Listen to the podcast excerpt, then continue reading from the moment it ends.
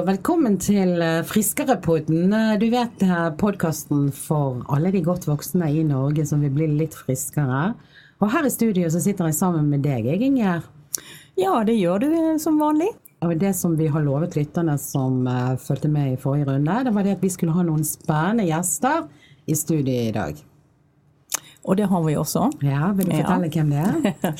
Vi har Erik og Sofie Hekseberg. Ja, Velkommen til oss, Erik og Sofie. Tusen Tusen takk. Ja, Dere er i Bergen på tur. Ja da, vi må jo være innom gamle trakter. Ja, der hører du. sant? Altså, Vi har en eh, bymann med oss, eh, Inger. Ja, Bymann, Erik. Forklar litt om det. Ja, Bortsett fra rulleren min, så eh, har jeg litt grann igjen av en bergensdialekt.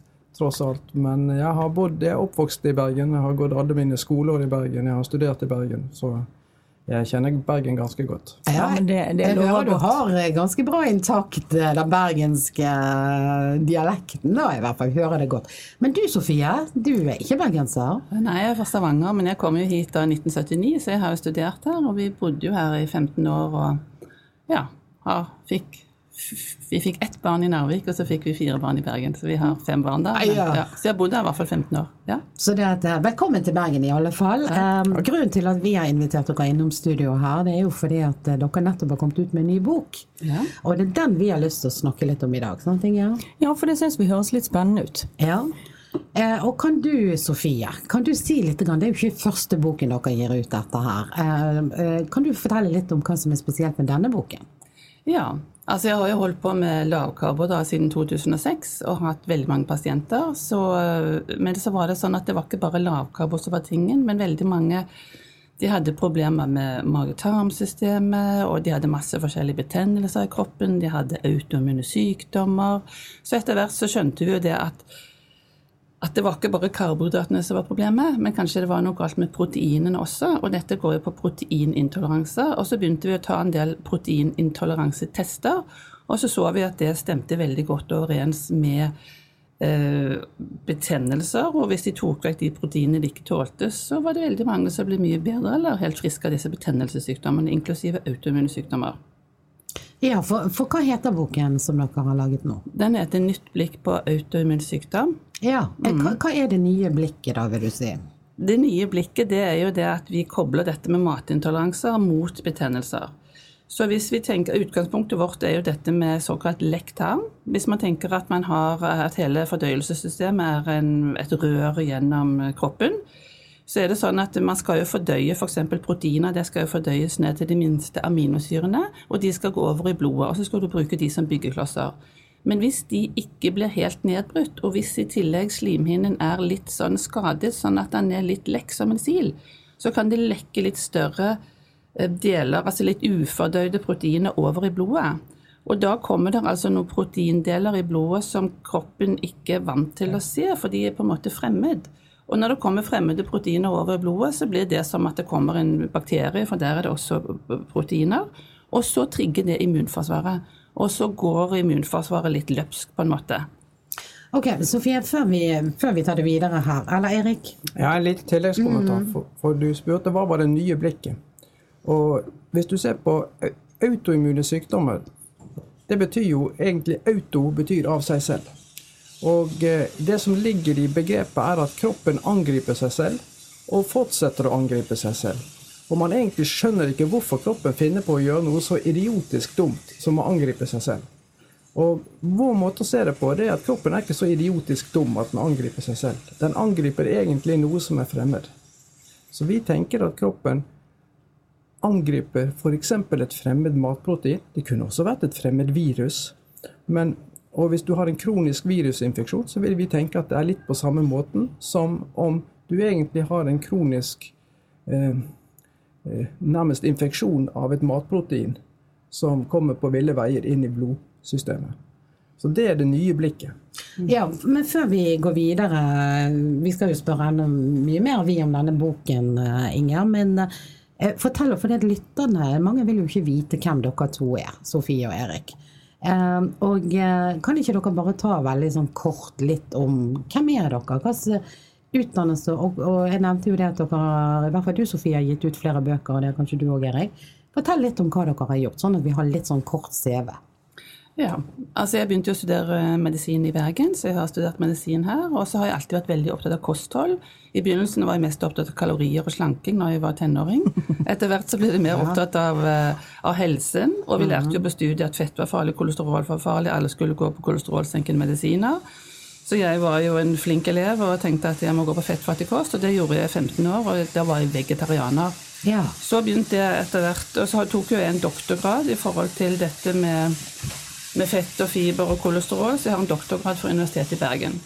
Så har jeg jobbet på uh, forskjellige indremedisinske avdelinger, så det er i grunnen mest indremedisin jeg har, og også litt bedriftshelsetjeneste, litt på Statens legemiddelverk. Og så begynte jeg å jobbe med, med kosthold og helse i 2006, og det var jo basert på at jeg la om kosten selv og følte at det var mye riktigere for meg å spise et uh, lavkarbo- og høyfettkosthold egentlig i forhold til å være vegetarianer. Og så leste jeg jo veldig mye forskjellige bøker og litteratur om det. Vi fikk jo internett, og da fikk vi tilgang til masse ny informasjon. Og jeg leste jo at dette var, gjorde veldig mye bra med folk, og det stemte jo når jeg startet i den praksisen. Ja, for det, Sofie, du er jo på mange måter en lavkarbodronning i Norge, ikke du det? Jo, jeg ble kalt det. Ja. Stor stas, det. Så da har vi plassert deg. Hva med deg da, Erik? Ja, etter studiet så forsket jeg en ti års tid på hvordan hjertet trakk seg sammen her i Bergen. Og har en doktorgrad på, knyttet til det. Og så ble jeg for utålmodig og eh, gikk over i klinisk arbeid. Og er spesialist i indremedisin, men fortsatt litt utålmodig, så jeg var innom eh, Jeg har vært i eh, farmasøytisk industri i en tiårs tid totalt sett. Som, eh, stort sett som medisinsk direktør i ulike firmaer.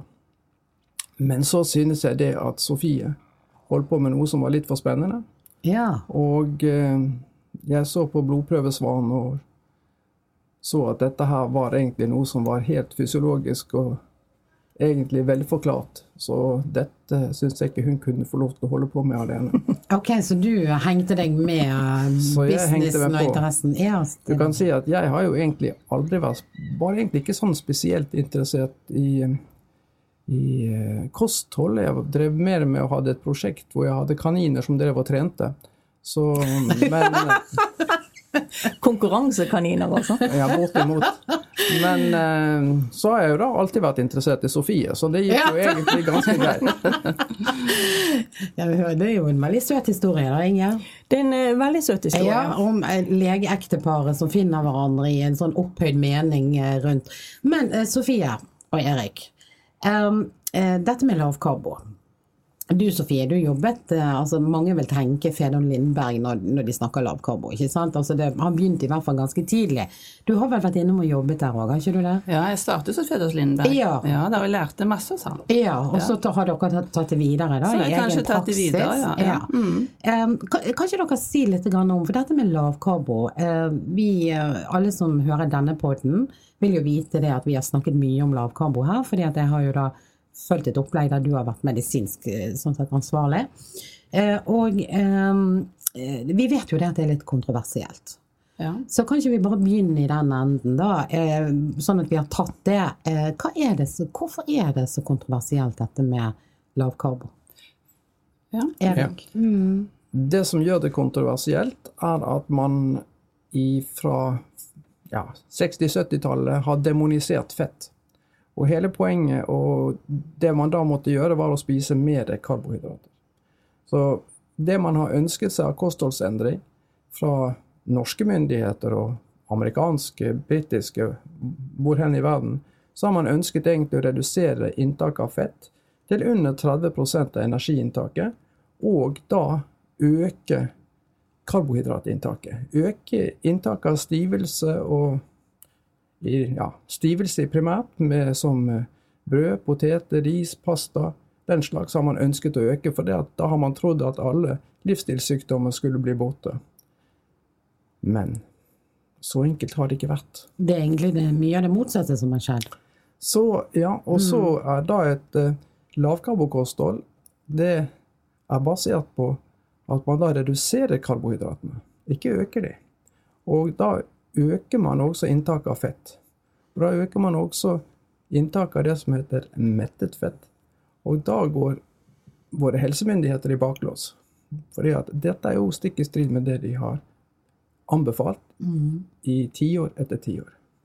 Ja, og sånn sett så snakker jo dere da, mm, egentlig de norske helsemyndighetene midt imot, sant?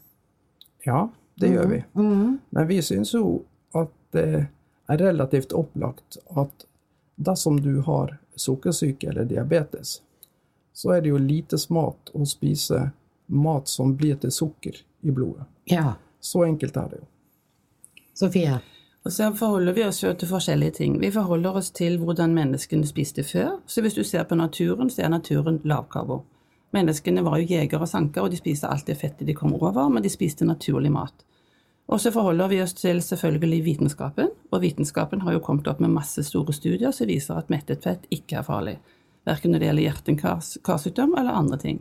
Og så forholder vi oss til erfaring til våre egne pasienter. Vi, vi følger med på blodprøver, vi følger med på alle risikofaktorer, vi følger med hvordan de har det. Så vi følger med på mange ting. Og alt i alt så konkluderer vi at eh, lavkarbo og høyfettkosthold, men alltid naturlig mat laget fra grunnen, er veldig bra for menneskene. Og Det er jo noe jeg absolutt kan støtte 100 dette med å lage ting fra grunnen av. For um, jeg drev en liten sånn undersøkelse på lunsjen vår. Um, for der har vi sånne crabsticks. Og så sjekket jeg på nettet hva inneholder de crabsticksene mm. egentlig. Mm. Og de inneholder både sukker og mm. stivelse. Ja. så det er, da må de vekk derfra. ja, så du kan tro, men det er jo det som er utfordringen, tenker jeg. Eh, at um, kosthold er blitt komplisert. Ja. Fordi at de produktene du kjøper i butikken, kan du tro er sunne og rene, eh, men i virkeligheten så inneholder de skjulte ingredienser som ikke er bra for deg. Tenker jeg rett da. Så det er lurt å lese på alle pakker. Men hvis du ser en fisk, så er det en fisk. Og ser du et egg, så er det stort sett et egg. Så på en måte, hvis den har én ingrediens, så er det én ingrediens. Og hvis du da lager maten innen det, så kan du være rimelig trygg. Så du, dere tenker at vi må tilbake til eh, gammeldags matlaging? Absolutt. Og det tar ikke så lang tid som noen vil ha det til. Det tar ikke lang tid å lage en middag med skikkelig fisk og noen grønnsaker. Det gjør du under en halvtime. Og du kan si at Det som tar lengst tid, det er jo å koke potetene. Ja. Og de trenger vi jo ikke. men, eh, men, Erik og Sofie, eh, dere er jo litt sånn misjonærer da, for dette lavkarbo-kostholdet. Vi kan vel kalle dere det. Og nå er det denne nye boken. For det, det har jo kommet ut bøker før om å spise seg frisk med lavkarbo og sånt. Og, men nå vil vi ha litt fokus på dette med autoimmune sykdommer, som er som vi syns er spennende, og som vi skriver en del om i Biever 60. Eh, og det er vanskelig kanskje å forstå hva det er. Eh, du kan gjerne si litt mer om det, Erik, for det du snakket om det i sted. Det er kroppen angriper seg sjøl. Eh, det høres jo så rart ut at han gjør det. Kan ikke du fortelle litt mer om hvorfor og hvordan? Ja, det man tenker seg, det er at det settes i gang en betennelse i kroppen hvor kroppen eh, angriper egne celler og slår ut egne celler. Og ja, det blir rett og slett ulike former for betennelse. Så er det slik at noen har en genetisk disposisjon for en autoimmun sykdom. Noen har større tendens til å kunne få f.eks. cøliaki, eller diabetes type 1, eller leddgikt, Bechdrevs sykdom, psoriasis ja, De forskjellige autoimmune sykdommene, de har du en genetisk komponent, altså du må være genetisk disponert. er sånn man tenker det. Og så er det noe som må trigge det og slå det ut. Eller så er det sette det i verk. Og Derfra så tenker man seg jo da normalt sett at dette her er en betennelse som da løper av seg selv, og som du selv ikke kan gjøre særlig mye med. Du er egentlig overlatt til din skjebne, eller til biolog, eller til eh, medikamenter som kan dempe betennelsen. Det vi sier, er at du er kanskje ikke helt overlatt til din egen skjebne. Kanskje du kan gjøre noe med det selv. For hvis det er knyttet til matproteiner, så kan det være ting du kan gjøre med kostholdet. Og for mange så er det eh, noe som de ønsker seg, at de rett og slett har en mulighet for å kunne gjøre noe, kunne påvirke sin egen sykdom. veldig mange får høre når de kommer til lege at dette kan ikke du gjøre noe med, det spiller ingen rolle hva du spiser. Med mindre det dreier seg om cøliaki. Ikke sant? Ja. Cøliaki, da er det den autoimmune sykdommen som man kanskje vet aller mest om, hvor det er knyttet til at det er gluten fra brødmaten i prinsippet som er triggeren. Og hvor gluten eh, setter i gang betennelsen. Men det spennende med cøliaki er jo rett og slett også at tar du bort gluten, så stopper jo betennelsen. Så da var den jo ikke helt auto. Da var den jo ikke helt av seg selv. Det, mm. Dette er litt av det som både vi og andre forskere eh, ser at det er noe spennende ved cøliaki som en modell. At du rett og slett kan ta bort en matvare, gluten, og så stopper betennelsen. Ja, for hvorfor, hvorfor Sofie, er, hvorfor skal ikke man ha altså Hva er det farlig med å ha betennelser i kroppen? Uh, farlig? Det er for det veldig ubehagelig. Så hvis du f.eks. har leddgikt, så får du veldig vondt i leddene. Du må gjerne bruke medikamenter. Veldig mange av disse med autoimmune sykdommer de er jo uh, ufør, eller lange sykemeldinger. Så det gjør jo livet ditt mye dårligere. Ja, for det er mye smerte Mye smerte og dysfunksjoner mm. og i det hele tatt. Og f.eks. Mm. hvis du tenker eh, de som har ulcerøs kolitt, kronsykdom, sant? de må gjerne på do 20-30 ganger om dagen med blødende avføringer. Det er jo ikke noe lett. Men veldig mange er rett og slett handikappet. Ja. ja.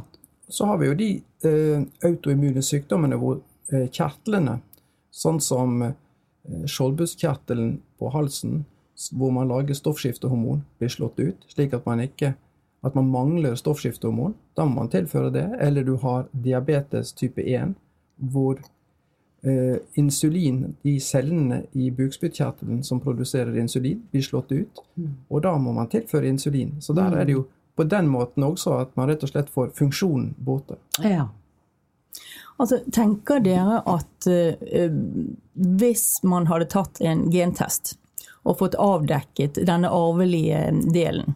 Eh, kunne man da ha forebygget gjennom kosthold? Altså latt være å, å trigge det, så kan man komme så langt um, en gang.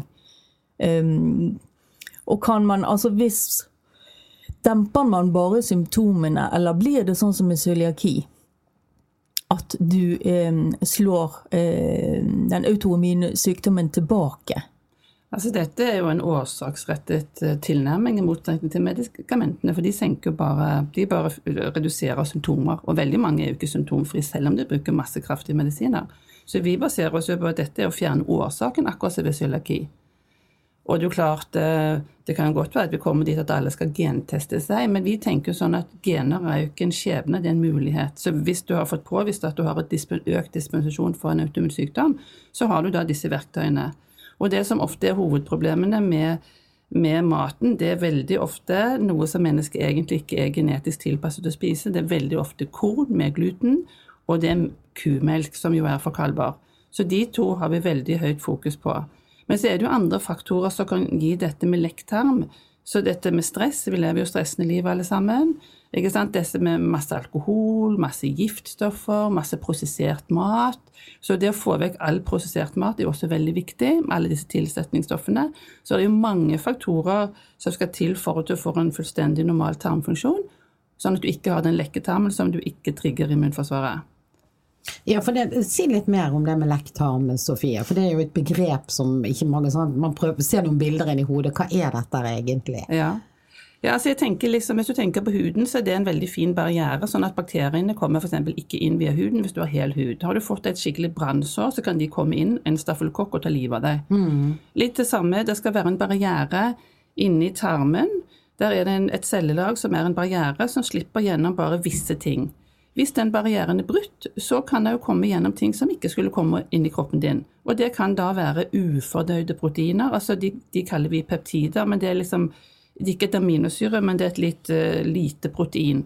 Og de kan da kroppen oppfatte som noe fremmed, og så mm. går de til angrep. Ja, Så det egentlig blir det en slags forgiftning av kroppen, da? Eller uh, går det an å se på det sånn, eller? Ja, eller nesten. Vi ser på det kanskje litt mer som en, en infeksjon. En ja, inntrenger. En inntrenger, ja. og, og dermed så mobiliseres uh, kroppens uh, Ja, og så kan du si at kroppen gjør jo bare jobben sin, for immunforsvaret er jo å ta seg av inntrengere. Så det er jo ikke noe galt med immunforsvaret, den gjør det den skal gjøre, faktisk. Ja. ja. Men det er vi som lever feil. Ja, men dette med autoimmunsykdom. Eh, er det sånn at når man har fått én, så får man mye lettere flere? Ja, det er en sammenheng hvor man ser at f.eks. de som har cøliaki, har større disposisjon for å kunne få andre autoimmune sykdommer, som eh, da egentlig betennelse i skjoldbruskkjertelen eller eh, leddgikt eller andre sykdommer. Så man ser en overhyppighet, ja. Slik at det er en sånn sammenheng. Ja, hvordan forklarer du det? Nei, Det kan vi forklare f.eks. For ved at uh, Dels kan du forklare at du har den genetiske disposisjonen, men sannsynligvis Vi tenker oss det at hvis det da egentlig er noe av det samme som utløser den genetiske sykdommen, så kan det jo rett og slett være slik at du har da den disposisjonen som vi tenker ligger gjennom dette med lekktarm. Altså hvis deler av et matprotein f.eks. kan kunne komme inn i blodbanen, så kan jo det utløse f.eks. diabetes type 1. Hvis disse små bitene rett og slett har en større tendens til å binde seg til disse cellene i bukspyttkjertelen, og at det der utløses en betennelse. Og hvis det da skjer et eller annet i kroppen som trigger uh, en annen autoimmunsykdom. Det kan være småting som gjør at eh, Eller småting, sier jeg. Men altså det, det er forskjellige Man skrur på gener. Skrur av og på gener som har med betennelse å gjøre. Og det er det. Kroppen vår er ganske komplisert, men den kan gjøre veldig mye rart. Og den kan bruke Den, den har forskjellige For samme type funksjon så kan den eh, skru på Kan den bruke litt forskjellige varianter av gener til å skru på og lage litt forskjellige typer proteiner. Så det, og hvis den da begynner å lage feil type protein, så begynner plutselig det å bli en betennelse et annet sted. Nei, for jeg lurer på dette med Altså, dette er jo eh, proteiner i maten. Ja. Eh, og så tester man det. Men eh, jeg mener å huske at proteinene i maten knyttet mot matallergier, men nå snakker vi om intoleranser. Ja, ja det kan vi ta. Altså, hva, hva, er, hva er, forskjellen her? Eh, hvis man f.eks. lurer på om man er allergisk mot noe, så, eh, så, går man gjerne til fastlegen og tar en blodprøve. og Da kan man sjekke på om man er allergisk f.eks. mot mat eller hundehår eller litt forskjellige ting. Og Da tester man noe som heter IGE-antistoffer. og Det er en straksallergi. Allergi. La oss si at du f.eks. spiser hasselnøtter og så plutselig klør du veldig i halsen. Det er en straksallergi. Dette som vi tester, det er IGG-antistoffer, og de, eh, de, kan du, de, kan du, få liksom inntil 72 timer, så på en måte tre døgn egentlig kan du gå. Så da vet du liksom ikke hva var det du spiste som gjorde at du reagerte på dette. Så det kaller vi da en matintoleranse eller en langsom allergi. Mm. Nettopp, så det tar rett og slett lengre tid før du merker Ja, og derfor er det vanskeligere å vite hva som var årsaken, egentlig, for ja. du husker ikke så langt tilbake. Nei, da må du tenke hva, hva, var det jeg spiste ja, for tre ja, dager siden? Nemlig, mm. men, men, hvis, dere, eh, hvis dere skal peke på det som er det viktigste funnet deres og budskapet deres i denne nye boken, eh, 'Autoimmune sykdommer', eh, hva vil dere trekke frem? Ja, så Veldig mange pasienter ønsker å gjøre noe med en egen helse. og Det er litt nedslående å få beskjed om at det er ingenting du kan gjøre, bare ta disse medisinene eller bli operert. Ja, så dette er et, egentlig et gladbudskap ja, til folket? Dette, at her kan du eh, ta skeien i egen hånd og gjøre en forskjell selv? Her kan du gjøre noe selv. Og her kommer jo også, det kan vi nevne, altså en ting er proteiner, veldig ofte dette med gluten og melkeproteinet kasein. Men her vil jeg også trekke frem lavkarboen. fordi Eh, hvis vi går skikkelig lavkarbo, altså på noe som heter ketogenkost, bare f.eks. spise en 20 gram karbohydrater om dagen, da kan du spise veldig mye grønne grønnsaker. Men det i seg selv er betennelseshemmende. Så det hemmer betennelse på cellenivå. Så vi er opptatt av ikke bare proteiner, men dette med sukker. Har du mye sukker, så får du mye insulin. Insulin er også betennelsesfremmende. Dette med omega-6, omega-3-fettsyrer. Omega-6 fremmer betennelse. Det får vi altfor mye av i form av solsikkeolje, soyaolje, maisolje, prosesserte margariner osv. Så så da må vi ha minst, mye mindre omega-6 og mer omega-3 fra fet fisk og tran osv. Så, videre. så vi legger jo inn flere momenter. og ja, mange kjenner, altså selv om de er slanke og ikke skal gå på lavkarbo for å slanke seg, så har de det best uten korn, uten melk, ketogen kost.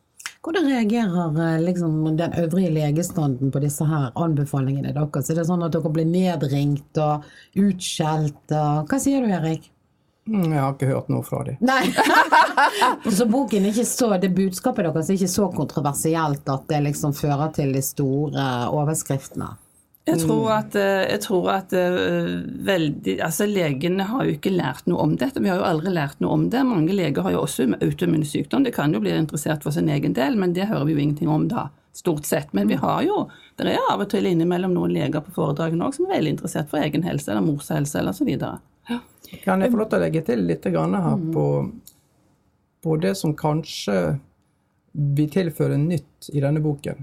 Og det er jo det at vi ser eh, matintoleransene og det at vi også måler såkalte peptider i urin. Altså vi måler om deler av f.eks. melkeprotein eller gluten kan gjenfinnes i en urinprøve. For gjenfinnes de i en urinprøve, så må de ha vært i blodbanen. Og det vi ser, det er at det er et mønster. Vi ser et mønster hvor vi kan finne at kroppen reagerer med antistoffer mot f.eks. melkeprotein. Og vi kan gjenfinne disse delene av melkeprotein i en urinprøve.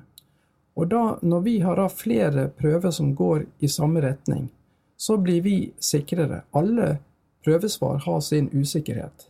Men har du prøv, flere prøvesvar som gir samme svaret, så, og er uavhengige av hverandre, mm. så blir vi mye sikrere på at det er en slik sammenheng. Og det er den sammenhengen vi egentlig beskriver i denne boken, hvor vi sier det at ja, hvis du har den autoimmune sykdommen som du har, kan muligens henge sammen med da f.eks. gluten eller f.eks. melkeprotein, fordi vi ser et mønster som taler for det. Og kanskje du har nytte av da å ta bort dette proteinet fra kosten din. Men er dette helt nytt, er det, Erik? Altså, er det sånn revolusjonerende nytt, eller er det bare sagt på en ny måte, eller er det samlet erfaring? Altså, si litt om det. Ja, det, så, så, altså, det er jo kjent at gluten utløser en autoimmun sykdom, og tar du bort gluten, så tar du i prinsippet bort sykdommen. Og Cøliakiforbundet erklærer at da er man egentlig frisk. Uh, og det, så det, kan du si, den biten, å koble det mot gluten og koble det mot cøliaki, det, det er velkjent. Men det å koble det mot andre autoimmune sykdommer er mer kontroversielt og mer usikkert. Den tingen som er, Og da kobler man stort sett gluten. Det vi gjør, det er å si at det behøver jo ikke bare være gluten. Det finnes jo andre matproteiner som kan gjøre akkurat det samme. Vi har best, evne, best mulighet til å måle melkeproteinet, men vi tenker oss også at ja, det kan godt være andre proteiner. I urinen kan vi bare måle melk og gluten. Vi skulle gjerne kunnet måle flere andre proteiner. For vi vet, vi skjønner at det er andre ting som også kan utløse eh, sykdom hos Ja, vi er forskjellige. Det er Litt av hele poenget er jo rett og slett at vi mennesker er ikke helt like. Vi skal ikke akkurat spise akkurat det samme, vi må faktisk tilpasse det til, til, hver enkelt, til, til det vi eh, egentlig tåler. Mm. Sofie?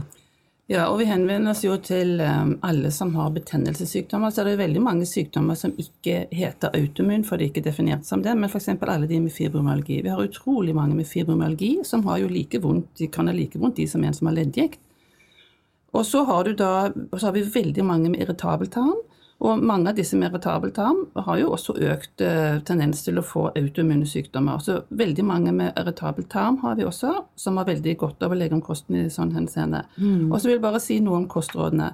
For det som er så tragisk med denne fettskrekken, det er jo det at eh, når vi skal spise mindre fett, så må vi spise noe mer annet. Og da spiser vi f.eks. mer karbohydrater, og vi spiser mer brød. Og nå er jo myndighetenes mål å øke inntaket av brød med 20% Da blir du enda mer gluten. Og så er det noe at disse brødene, hvis vi lager brød hjemme, så er de ganske kompakte. Hvis du kjøper et brød På bakeri så er de veldig puffet opp, og de tilsetter masse gluten i melet for å få dette luftige brødet som vi vil ha.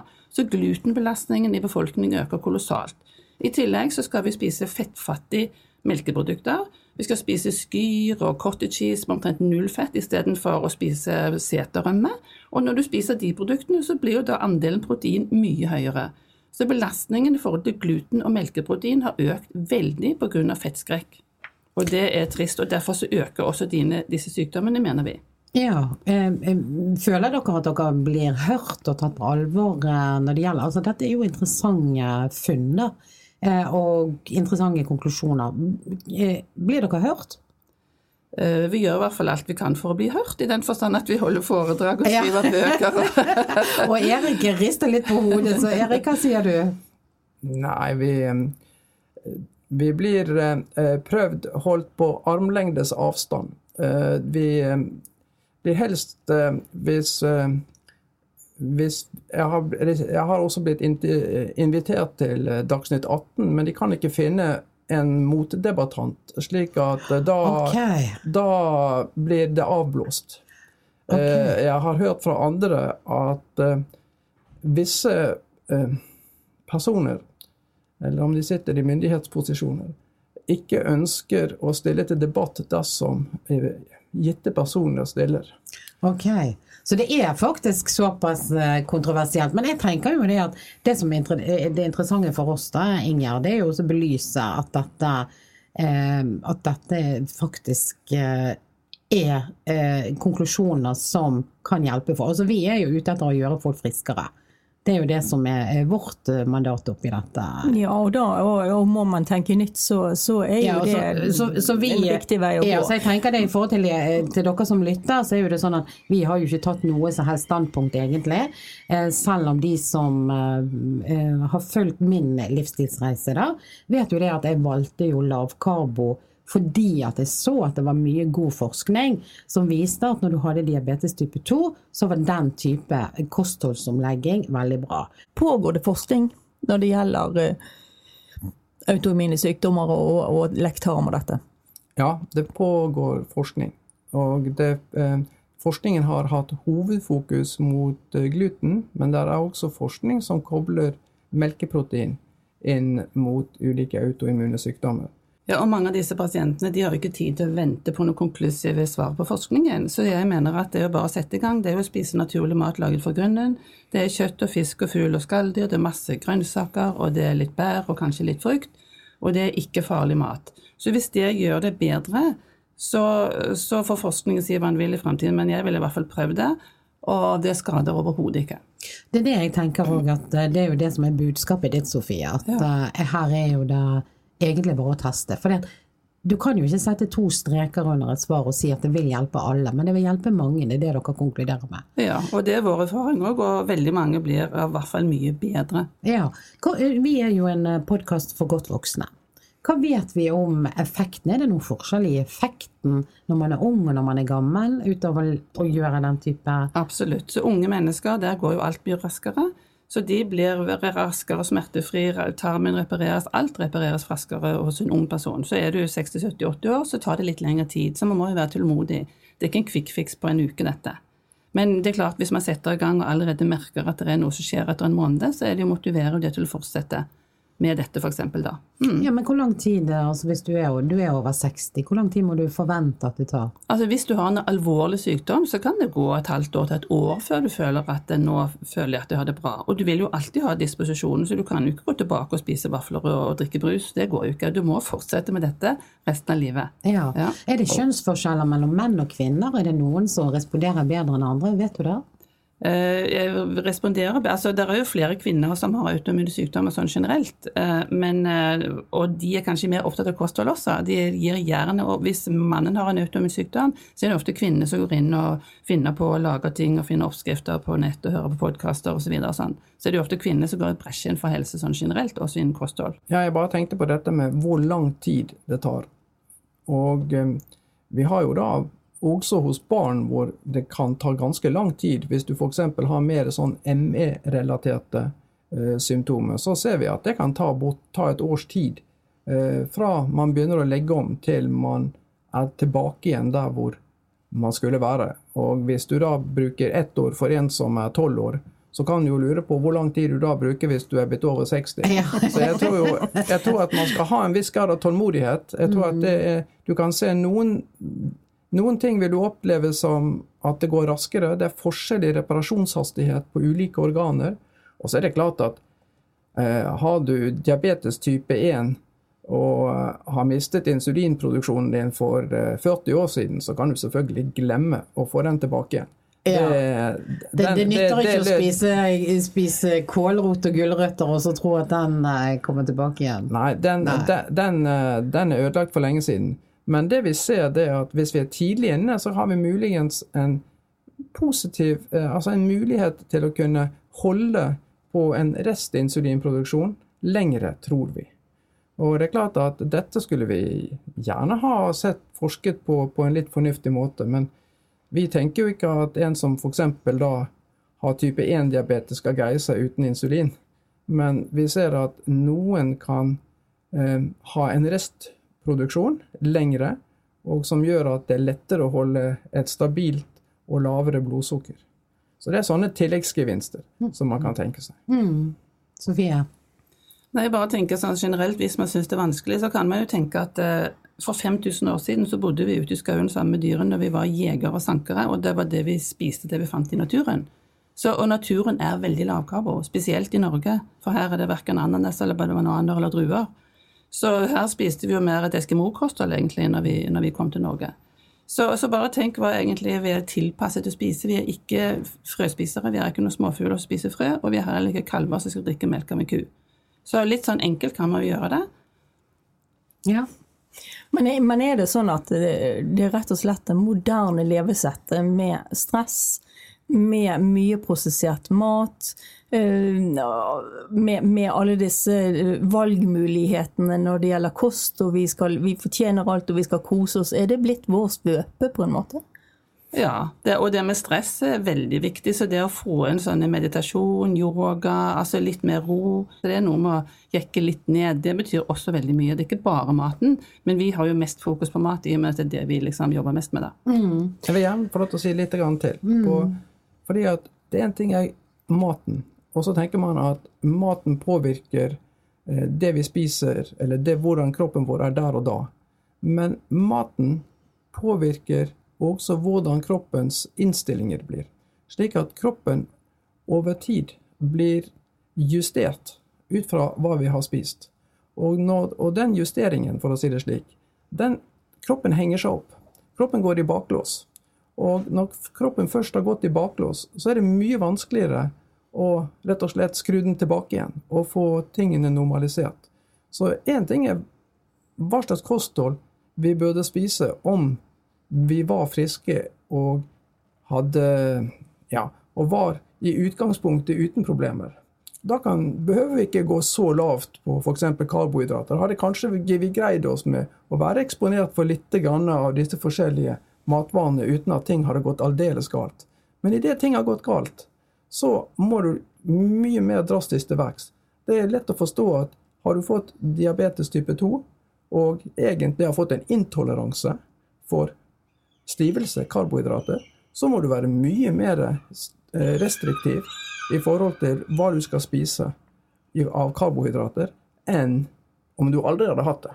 Og På samme måten så er det nok litt grann mot de autoimmune sykdommene. Når kroppen først har hengt seg opp, så går det ordentlig galt. Sofie? Og I denne boken så har vi jo vist en del av disse testene, og hva vi har gjort i forhold til hva de har utslag på på testene, hva de da må eliminere. Men for de som ikke tar testene, så har vi angitt eh, flere forskjellige dietter. Eh, En veldig streng og litt mer moderat og litt enklere. Og så er det jo sånn at det er veldig individuelt eh, hvor drastisk du må gjøre dietten for å bli, få det bedre. Sant? Så de sykeste av de sykeste må kanskje gå på den strikteste dietten, mens de som ikke er fullt så syke, kan ha mye glede av bare å gjøre noen små grep. Så det er veldig individuelt, og det er vi veldig opptatt av. Jeg tenker det, Inger, at vi avrunder med dette, og så eh, konkluderer vi med altså det som Sofie så greit sier her. Det er egentlig ikke noe hokus pokus. Det er ikke så dramatisk og store endringer man nødvendigvis må gjøre. Det er naturlig mat det er snakk om. Velge vekk noe til fordel for noe annet. Og det har jo vi snakket om i veldig mange podkaster. Det har vi. Og så tenker jeg også at vi er forskjellige. Det er også et veldig viktig budskap. At det må tilpasses deg. Og vi har um, ulik Vi tåler bl.a. karbohydrater på ulik måte. Vi tåler ulik mat. Så, så um, det å hoppe på det som venninnen din eller en i familien har, eh, det, det, er ikke alltid det smarteste. Men det vi sier er smart, er jo faktisk å lese seg opp, eh, undersøke, finne ut og teste. Eh, og vi har jo gjort et kjempegodt forsøk i Viva 60, der jeg lot meg teste gjennom tre måneder, og vi ser jo det at det gir resultater. I hvert fall for meg. Og det kan jo være med å inspirere andre. Det har jo vi sett og gjort, og vi vet at det er mange som er blitt inspirert. Så bare fortsett på den gode veien som du er på, du som lytter, hvis du eh, tenker at eh, du sjøl kan være med og gjøre en liten forskjell. Så tusen takk til Erik og Sofie for at dere kom her i studio til oss. Takk for at vi fikk komme. Takk for at vi fikk komme. Takk. Hyggelig. Ha det. Takk for oss.